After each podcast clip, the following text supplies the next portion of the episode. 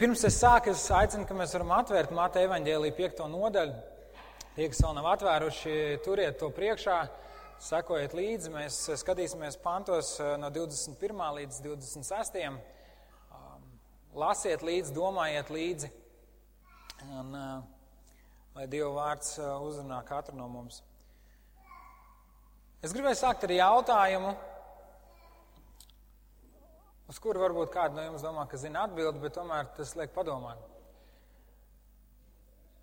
Kurš nogalināja Jēzu?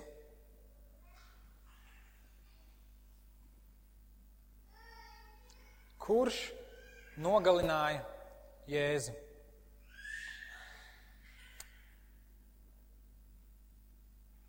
Tad, kad mēs uh, skatāmies uh, tos pašus notikumus pie krusta, mēs redzam, ka tur ir kādi kareivi, kuri izpilda pavēli, kuri uh, dara to darbu, kas viņiem tajā laikā bija jādara, lai cik briesmīgs tas uh, nebija. Viņi soda Jēzu ar uh, rīkstēm, šausta. Un viņi ir tie, kas liek naglas Jēzus rokās un kājās, un viņi ir tie, kas piekarina Jēzu pie krusta. Mēs varētu teikt, romiešu kareivi bija tie, kuri nogalināja Jēzu. Bet tā kā tas armijā ir, viņi vienkārši izpildīja pavēles. Mēs varētu teikt, ka Pilārs, tā apgabala pārvaldnieks, viņš bija tas, kurš nogalināja Jēzu. Gal galā viņam bija vara Jēzu sodīt, vai Jēzu atbrīvot. Tā bija viņa atbildība tajā brīdī pieņemt šo lēmumu. Un tādu vai citādu iemeslu dēļ viņš pieņēma lēmumu nodot Jēzu karavīriem, lai viņi sit viņu krustā. Mēs varētu teikt, ka patiesībā Jēzus nāvē bija vainojams Pilārs. Bet, ja mēs skatāmies, tad uh, tas bija kā tāds politisks spiediens no jūdu vadītāji, no raksturmācītāji, no farizēju puses, kuri bija saņēmuši jēzu ciet, kuri bija noveduši viņu pilātu priekšā un kuri uzstājīgi sauca sit viņu krustā. Viņi viņu bija notiesājuši pēc kaut kādiem saviem likumiem vai izpratni, savas izpratnes par likumiem. Un viņi teica Pilātam, mēs nedrīkstam viņu nogalināt, bet uh, tu to vari darīt. Un mēs varētu teikt, ka patiesībā farizēji bija vainīgi pie tā, pie, pie Jēzus nāves, pie tā, ka Jēzus nomira. Mēs zinām, ka viens no, jūda, no Jēzus mācekļiem vārdā Jūda bija tas, kurš aizgāja pie raksturmācītājiem un farizējiem un teica, es jums pateikšu, kur ir Jēzus. Es jums nodošu, es nodošu viņu jūsu rokās. Gal galā Jūda bija tas, kurš padarīja iespējamu farizējiem tajā brīdī saņemt Jēzu ciet. Mēs varētu teikt, ka Jūda bija īstais Jēzus slepkavs. Šodien mēs runāsim par slepkavību un dusmām. Un Mateja Vangelī 5. nodaļā, 21. pantā ir teikts, jūs esat dzirdējuši, ka tēva tēviem ir sacīts, tev nebūs nokaut vai nenogalini un kas nogalina, tas nododams tiesā. Jūs esat dzirdējuši. Tajā laikā uh, šiem cilvēkiem nebija privilēģija, kāda ir mums, lasīt Bībeli vairākās valodās, vairākos tulkojumos, uh, nebija pieejama neskaitāma studiju materiāli. Tas veids, kā viņi uzzināja Dievu vārdu, bija, viņi gāja um, templī vai sinagogā un klausījās, kā raksturmācītājiem, farizēji lasa un skaidro Dieva likumu, Dieva vārdu. Un tāpēc Jēzus saka, jūs esat dzirdējuši, jūs esat dzirdējuši, kā šie rakstu mācītāji jums ir stāstījuši un skaidrojuši, tev nebūs nokaut. Tas, ko viņi bija mācījušies, un tas, kā rakstu mācītāji bija skaidrojuši šo bausli, ir tas, ka tev nebūs fiziski nevienam padarīt galvu, tev nebūs nevienu fiziski noslapkavot. Tas ir viss. Tas ir viss, ko pieturoties pie šiem vārdiem, tev nebūs nokaut, viņi bija sapratuši. Un bauslis, šis bauslis farizējiem, protams, bija ļoti labi zināms. Viņi bija tie, kas viņu mācīja, kas viņu kas varēja viņu lasīt, kas varēja nodot tālāk cilvēkiem. Tomēr viņi ļoti brīvi, kā mēs redzam, bez tādiem lieliem pārmetumiem, varēja piedalīties šajā um, Jēzus tiesā. Viņi varēja nodot viņu nāvei un, principā, būt par daļu no, no šīs slepkavības, un tomēr savas rokas mazgāt nevainībā, viņuprāt. Viņi varēja nokaut jēzu un tomēr justies nevainīgi, jo gal galā jau viņi nebija tie, kas fiziski nokāva jēzu. Un tieši tāpēc 20. pantā Jēzus saka, ka mūsu taisnībai ir jābūt labākai par raksturmācītāju un farizēju taisnību. Mūsu izpratnē ir jābūt pilnīgākai.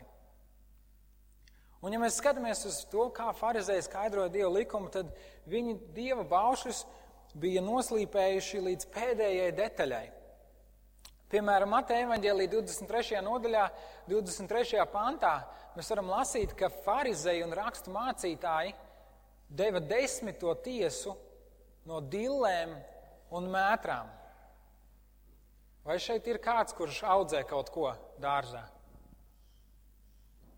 Ir vismaz kāds. Iedomājies, ka no katras tās uh, ražas, kas tev ir, no katra burkāniņa, no katras zemenītes, no katras lietas, kas tev izaug, tu dod desmito tiesu.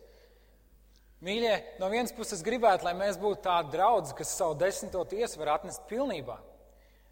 Tāda bija farizēja. Viņi līdz mazākajam sīkumam izpildīja likuma burtu, bet iekšēji ignorēja vai pat dzīvoja pretrunā ar likuma garu.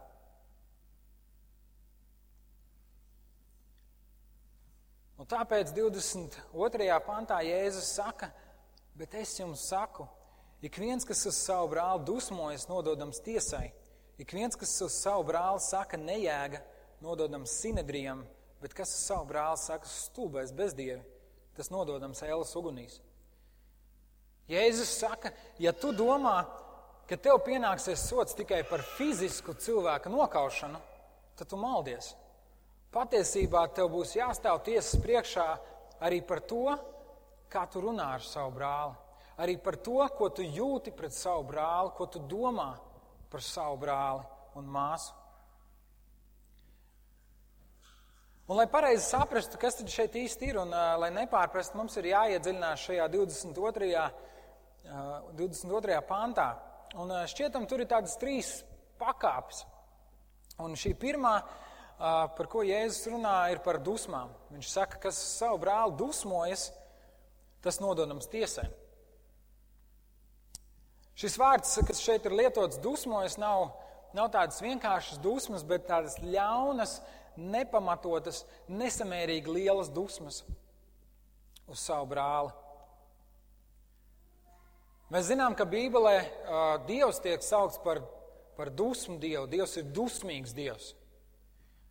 Vai varētu būt tā, ka Jēzus šeit iestājas pret dusmām kā tādām? Un viņš katru reizi, kad tev pārņem dusmas par kādu cilvēku rīcību, tu esi sodāms tiesā. Mēs varam lasīt 4. psalmā, 5. pantā: dusmojiet, bet negrēkojiet. Tāpat mēs varam lasīt vēstulē Efeziešiem 4. nodaļā, 26. pantā, dusmās neapgrēkojieties. Bībele pieļauj dusmas. Ja Dievs dusmojās, tad dusmas kā tādas nevar būt nepareizas. Tāpēc mums ir jāsaprot, par kādām dusmām šeit ir runa. Dusmas katrā ziņā nav nekas labs. Tas nav nekas veselīgs, ko Dievs saka, uh, to iemantojiet, kļūstiet dusmīgi cilvēki. Turpat vēstulē Efeziešiem tālāk 31. pantā Pāvils aicina, ka mēs noliekam dusmas prom no sevis, ka mēs atmetam dusmas. Kāpēc tā? Ja jau Dievs ir saukts dusmu Dievs, kāpēc mūs aicina dusmas nolikt malā? Pirmkārt, tāpēc, ka Dievs savus dusmas vienmēr lieto, lai nestu savu taisnību. Dieva dusmas ir kontrolētas un mērķiecīgi virzītas. Dievs dusmojas par grēku. Dieva dusmām vienmēr ir pamatots iemesls, un Dieva dusmas vienmēr ir uz labu.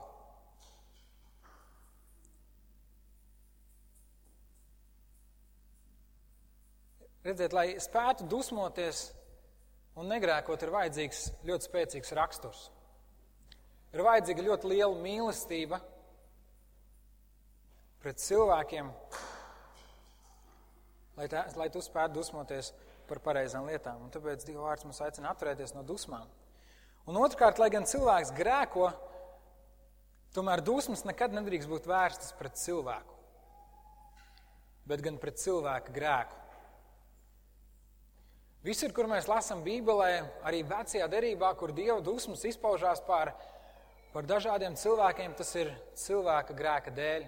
Tas ir netaisnības dēļ, kas, ir not, kas notiek un kas ir notikusi uz zemes. Un tieši tāpēc mums vienmēr ir jāuzmanās par to, par ko mēs esam dusmīgi. Mēs drīkstam dusmoties uz grēku, bet ne uz cilvēku. Pret cilvēku mums ir jāparāda žēlastība un līdzcietība Cilvēks mums ir jāved pie Dieva, pie piedošanas. Tad esiet uzmanīgi ar savām dusmām. Un tās dusmas, kas šeit ir minētas, ir dusmas, kurām nav pamatojuma. Dusmas, kuras ir ļaunas un nepamatotas, dusmas, kuras ir nesamērīgi lielas. Šis otrais vārds um, jaunajā tulkojumā tulkots kā nejēga, ir uh, nozīmē tāds tukšpauris, jeb nevērtīgs, tāds, kuram nav satura.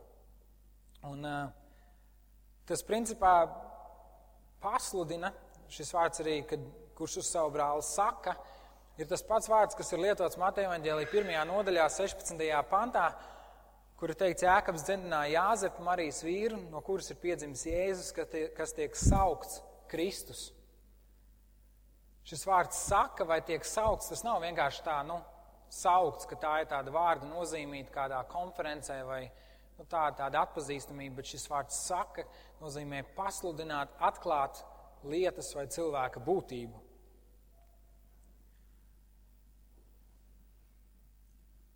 Tad Jēzus saka, tas, kurš uz savu brāli norāda kā uz nevērtīgu, tukšu būtni, ir sodām, ir nododams sinedrijam. Un šis trešais vārds, eh, stulbais bezdievi, kas ir eh, jaunajā tulkojumā,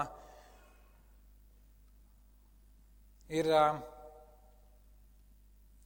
tāds tā laika lamu vārds, ļoti līdzīgs iepriekšējiem pēc būtības. Tāds muļķis, bezdievis, cilvēks, kurš ir bez dieva, pagāns, bet tādā ļoti stiprā nozīmē tā ir tāds zākāšana. Un, eh, un ja es saku, ja tu savu brāli zākā, ja tu pasludini viņu ne par Dieva bērnu, tad tu esi nododams ēlas ugunīs. Pirmajā mirklī var šķist, ka šie vārdi ir tādas kā trīs pakāpes dusmām. Un uh, par katru nākamo pakāpi mēs uh, saņemam bargāku sodu. Respektīvi, ka dusmoties jau nav nemaz tik traki. Pateikt brālim nejēga ir bišku trakāk, bet nu, pateikt kādam stulbais bezdieva tas ir nepieņemami. Bet patiesībā uzmanība ir jāpievērš nevis šiem trim vārdiem, par kuriem Jēzus runā, bet tieši šīm trim sekām, kuras min Jēzus. Pirmā tā ir tiesa ko Jēzus saka, ja tu dusmojies uz savu brāli, tas nododams tiesā. Otrā ir sinedrijas, un trešā ir elle. Un šī tiesa bija tiesa, kurā varēja iet un, un izstrīdēt dažādas pārkāpumus, dažādas likumus, kur varēja vest cilvēks, kuri tika pieķerti pārkāpumā, un par viņiem citi cilvēki lēma tiesu. Tā bija tiesa tajā laikā, un viņš saka, ja tu dusmo, tā ir tā pirmā tiesa instance. Otrā sinedrijas tā ir tāda jūdu garīgā tiesa, kas spriež ne tikai pēc kaut kādiem civil likumiem, bet arī pēc garīgiem likumiem. Un trešā elle, protams, mēs zinām, tā ir Dieva tiesa. Un Kristus šeit vēlas parādīt to, ka slepkavība nav kaut kas, ko izdarot, tu saņem cilvēku tiesas spriedumu. Ka tas nav nepareizi tikai cilvēku priekšā, ka tas nav tikai tas fiziskais darbs, ko tu izdari.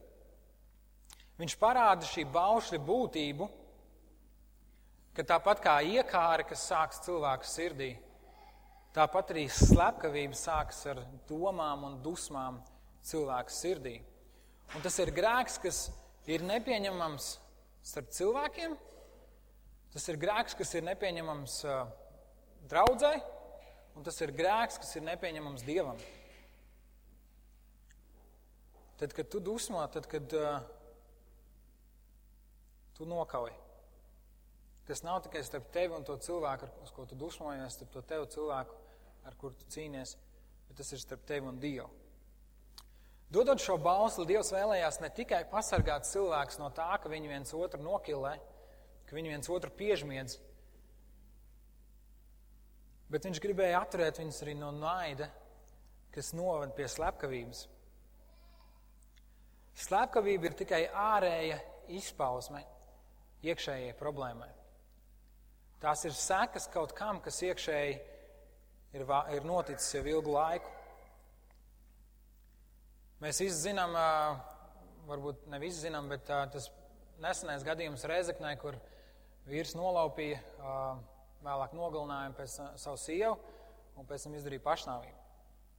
Un tur ir atstāta kāda vēstule, kuras saturu varbūt pilnībā neizpauž. Un tomēr policijas darbinieki Reizeknē ziņo, ka šajā ģimenē šīs problēmas jau bija ilgāku laiku. Viņi jau bija vērsušies policijā, gan viens, gan otrs, eh, mēģinot risināt, mēģināt risināt dažādas konfliktus, šīs dusmas, šī nesaticība tur bija bijusi ilgāku laiku, un gal galā tā novada pie slepkavības.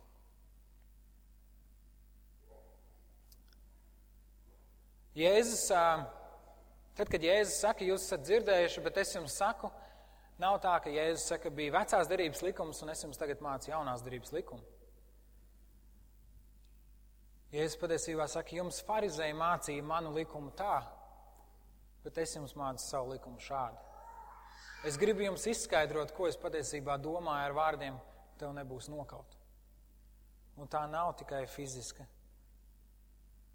nāve. Farizēji rūpējās tikai par ārējo izpausmu, bet Jēzus parādīja, ka Dieva rūpes sniedz daudz dziļāk.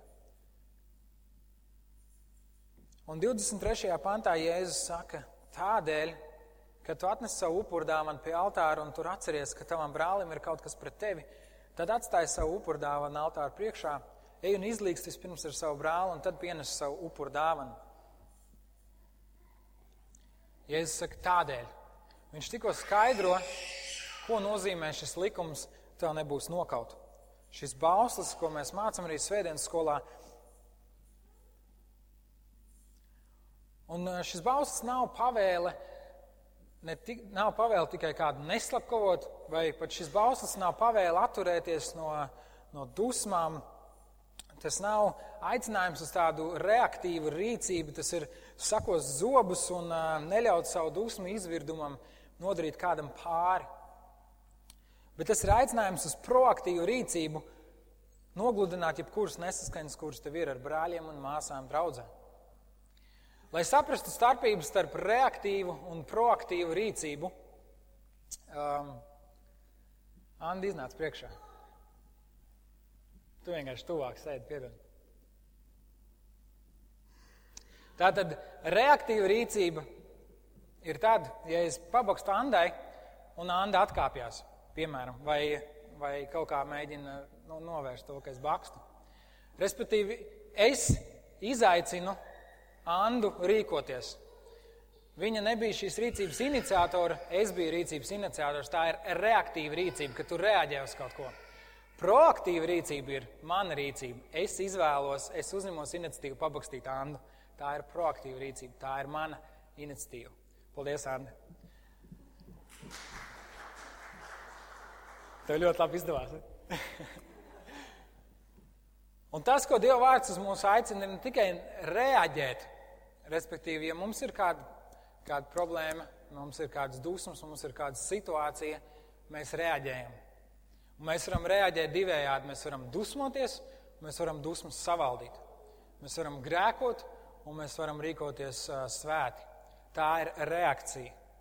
Bet Dieva vārds mums neaicina tikai reaģēt, Viņš mūs aicina uz iniciatīvu, uz proaktīvu rīcību, uzņemties atbildību par attiecībām, kas mums ir ar brāļiem māsām draudzē. Uzņemties atbildību un iniciatīvu par to, ka tā saskaņa, tā mīlestība, par ko mēs tik daudz runājam, draudzē, lai tā ir īsta. Lai tā ir patiesa. Lai tas nav tikai tā, ka mēs sēžam un īstenībā mēs nevaram ciest to cilvēku, kas sēž baznīcas otrā pusē, otrā solā. Mēs sēžam un griežam zobus, un ārēji no šejienes liekas, ka viss ir forši, jūs viens otru mīlat. Bet patiesībā jūs nezināt. Bet Dieva vārds mums aicina, ka mēs esam aktīvi tā, lai nebūtu, lai tāds nenotiktu. Lai tās attiecības, kas ir mūsu starpā, būtu patiesas, tās būtu patiesas cieņas, patiesas mīlestības, atklātības attiecības. Tāpēc arī pirms svētā vakarēdiena mācītājs bieži atgādina, ka, ja arī tu esi no citas draudzes, tu vari nākt pie svētā vakarēdiena, ja tu esi mierā ar brāļiem un māsām savā draudzē.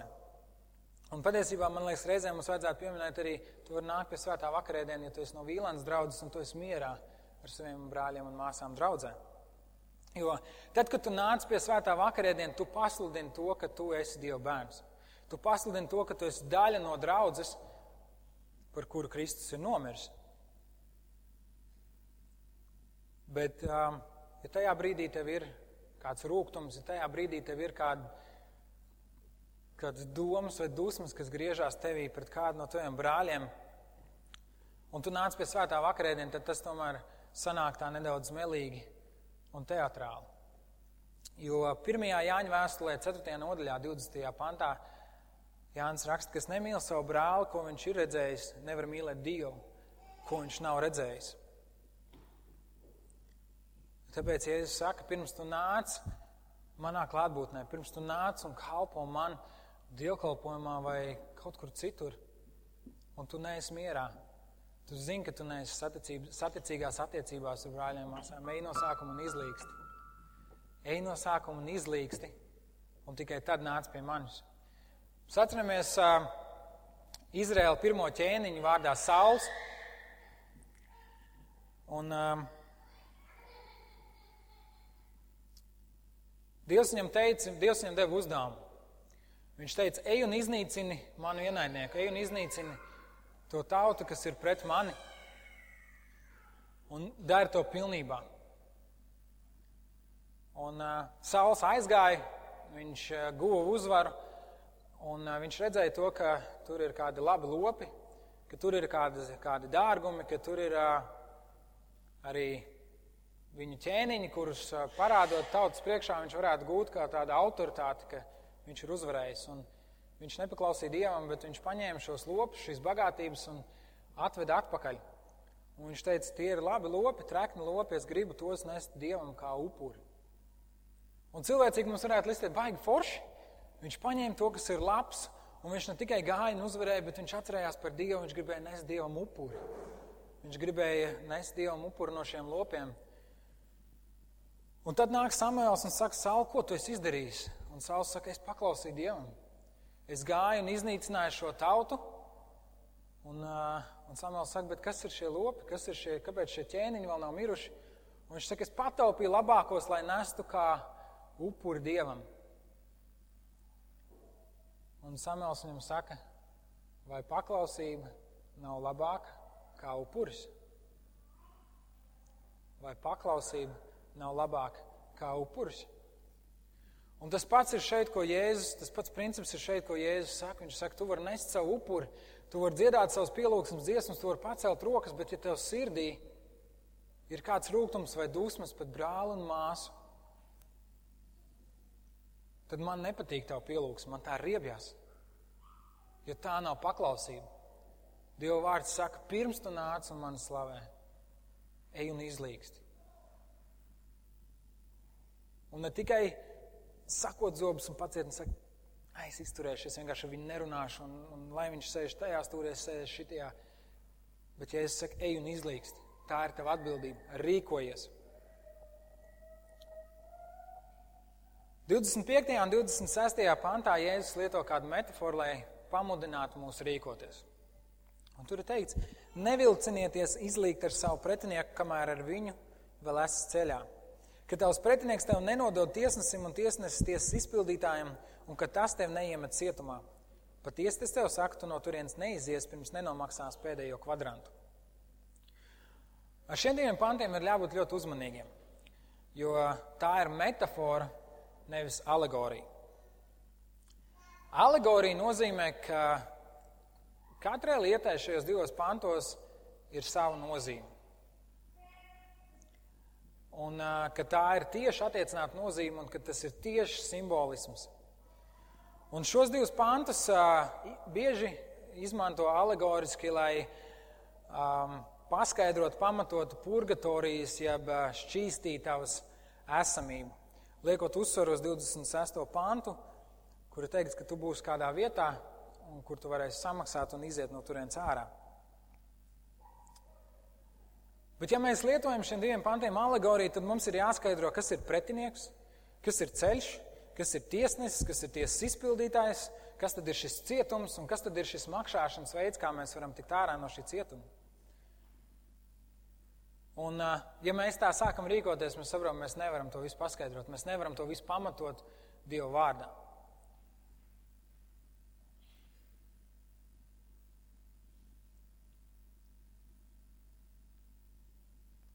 Bet Jēzus tomēr stāsta šo līdzību, šo metaforu. Un metaforai ir viena galvenā nozīme, un katrai detaļai nav jāpievērš uzmanība. Un tās būtības, šīs metafors būtības slēpjas 25. pantā - nevilcinies izlīgt ar savu pretinieku, kamēr ar viņu vēl esi ceļā. Jēzus paskubina mūs nekavēties un uzsver, ka Dievs dusmas un slepkavību mūsu sirdī, to, kas notiek, to slepkavību, kas notiek mūsu sirdī, uzsver ļoti nopietni. Tas nav grēks tikai pret tavu brāli vai pret to cilvēku, tas ir grēks arī pret Dievu. Un viņš saka, ka tev vēl, tu vēl esi ceļā. Tu vēl tuvojies tai dienai, kad tu stāvēsi tiesneša priekšā, un tev vēl ir laiks. Izmanto šo laiku, izlīgsti ar savu brāli, izlīgsti ar savu pretinieku.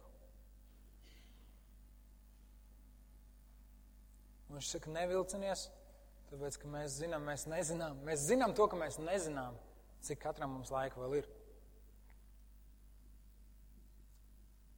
Redziet, vārdi tev nebūs nokauti. Vārdi, ko mēs bieži lasām, desmit baušos un domājam, īzī.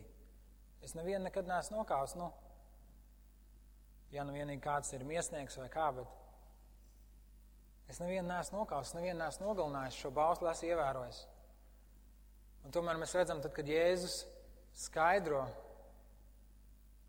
ne tikai likuma burtu, bet likuma būtību, likuma garu, kad viņš skaidro, kāpēc šis bauslis tika dots. Mēs redzam, ka mums katram tas ir izaicinājums. Mēs redzam, ka tas nav tikai, oh, to es neesmu darījis, viss kārtībā, es to varu nolikt malā. Bet tas ir kaut kas, kas mums ir jādara atkārtot, atkārtot un atkārtot. Mums ir jāuzņemas iniciatīva, lai mums būtu tiešām tāda īsta vienotība draudzē, lai mums būtu šī, šī saticība draudzē. Tev nebūs nokaut, nozīmē, ka tu pieliec visas pūles. Lai būtu šī saticība, lai šīs dusmas nerastos, lai rūkums nekrātos, lai šķelšanās nenotiktu. Tu pieliec visas pūles. Atgriezīsimies pie jautājuma, kurš tad īsti nogalināja Jēzu?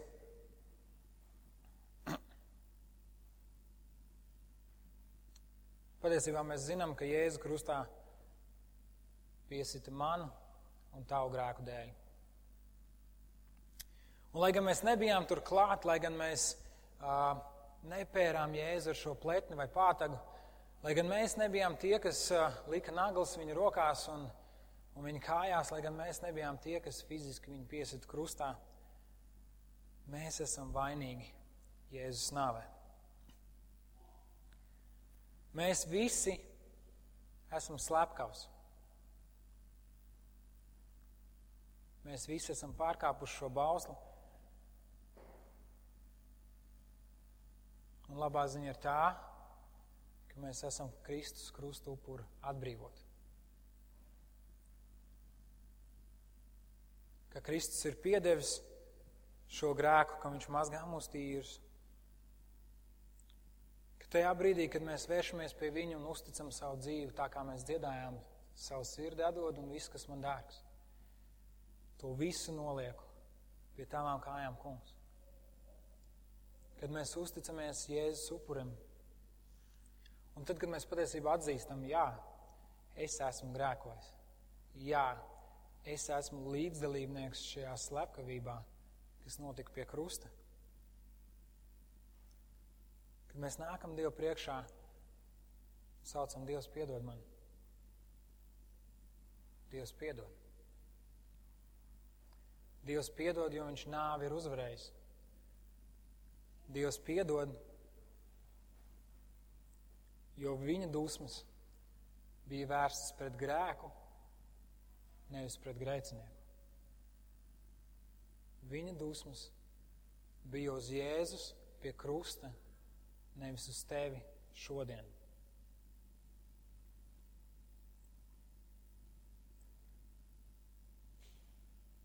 Rūpējies, lai tavs sirds ir tīra Dieva priekšā. Rūpējies, lai tavs sirds ir tīra brāļa un māsu priekšā. Un rūpējies par to, lai tavu brāļu un māsu sirds ir tīra tavā priekšā. Kā mēs redzam, tas ir tas, uz ko Kristus aicina, sakot, tev nebūs nokaut. Lūksim Dievu! Mīļais Jēzus, pateicos, ka mēs šodien šeit varam būt, neskatoties pat uz to, ka mēs esam līdzvainīgi tavā nāvē. Es pateicos, ka īpaši šajā lieldienu laikā mēs varam domāt par tavu upuri.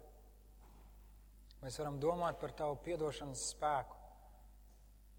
Mēs varam domāt par dusmām, kuras bija vērstas uz grēku, nevis uz grēcinieku. Un es tev varu tikai un vienīgi pateikties, Dievs, ka tu mums esi ļāvis iepazīt šo piedošanu. Jēzus, es gribu lūgt par katru no mums, kas, kas cīnās ar kādu rūkumu vai dusmām vai nepiedošanu. Es lūdzu, Svētais Gars, ka tu šajā brīdī dod spēku, uzņemties iniciatīvu un nogludināt šīs attiecības uzņemties iniciatīvu un ienest īstu mieru, ienest īstu izlīdzināšanos, spērt šo pirmo soli, lai šīs dusmas nebūtu mūsu sirdī. Jēzus lūdz par katru, kurš šajā dienā apzinās, arī es tur stāvēju, arī es biju līdzvainīgs tavā nāvē, un katru, kuram kurš apzinās, man ir vajadzīga piedošana. Svētais gars, es lūdzu, ka tu uzrunā katru šo cilvēku. Ka tu atklāji viņam savu piedošanas spēku. Ka tu atklāji, ka neskatoties uz to, ka mēs tevi piestām krustā, tavai nāvei bija iemesls, tavai nāvei bija mērķis, kas patiesībā nāk mums par labu. Mums, taviem slepkavām. Es lūdzu par katru, kas šeit esam, ka mēs katrs patiesi varam piedzīvot šo tavu piedošanu. Svētais gars, ka tu turpini runāt mūsu sirdī un pavadi mūs to pārdomājot, un ja mēs to vēl neesam līdz galam pieņēmuši un izpratuši, ved mūs pie grēka nožēlas. Ved mūs tavā priekšā uz ceļiem, kur mēs varam teikt, Dievs, es tur biju, piedod man. Es atzīstu, ka esmu grēcīgs šķīsti manu sirdi. Dievs, un es lūdzu, ka mēs kā draudze, ka mēs spējam dzīvot tādā patiesā, patiesā brāļa mīlestībā, cieņā, vienotībā. Kungs, Jēzus, ka tas, ko mēs darām šeit svētdienās, nav teātris, ka mēs izliekamies, ka mēs viens otram patīkam un mēs viens otru mīlam, kungs, bet ka mēs patiesi varam meklēt šo, šo izlīdzināšanos savā starpā. Svētais gars, ka tu dod spēku mums to īstenot. Jēzus vārdā. Āmen.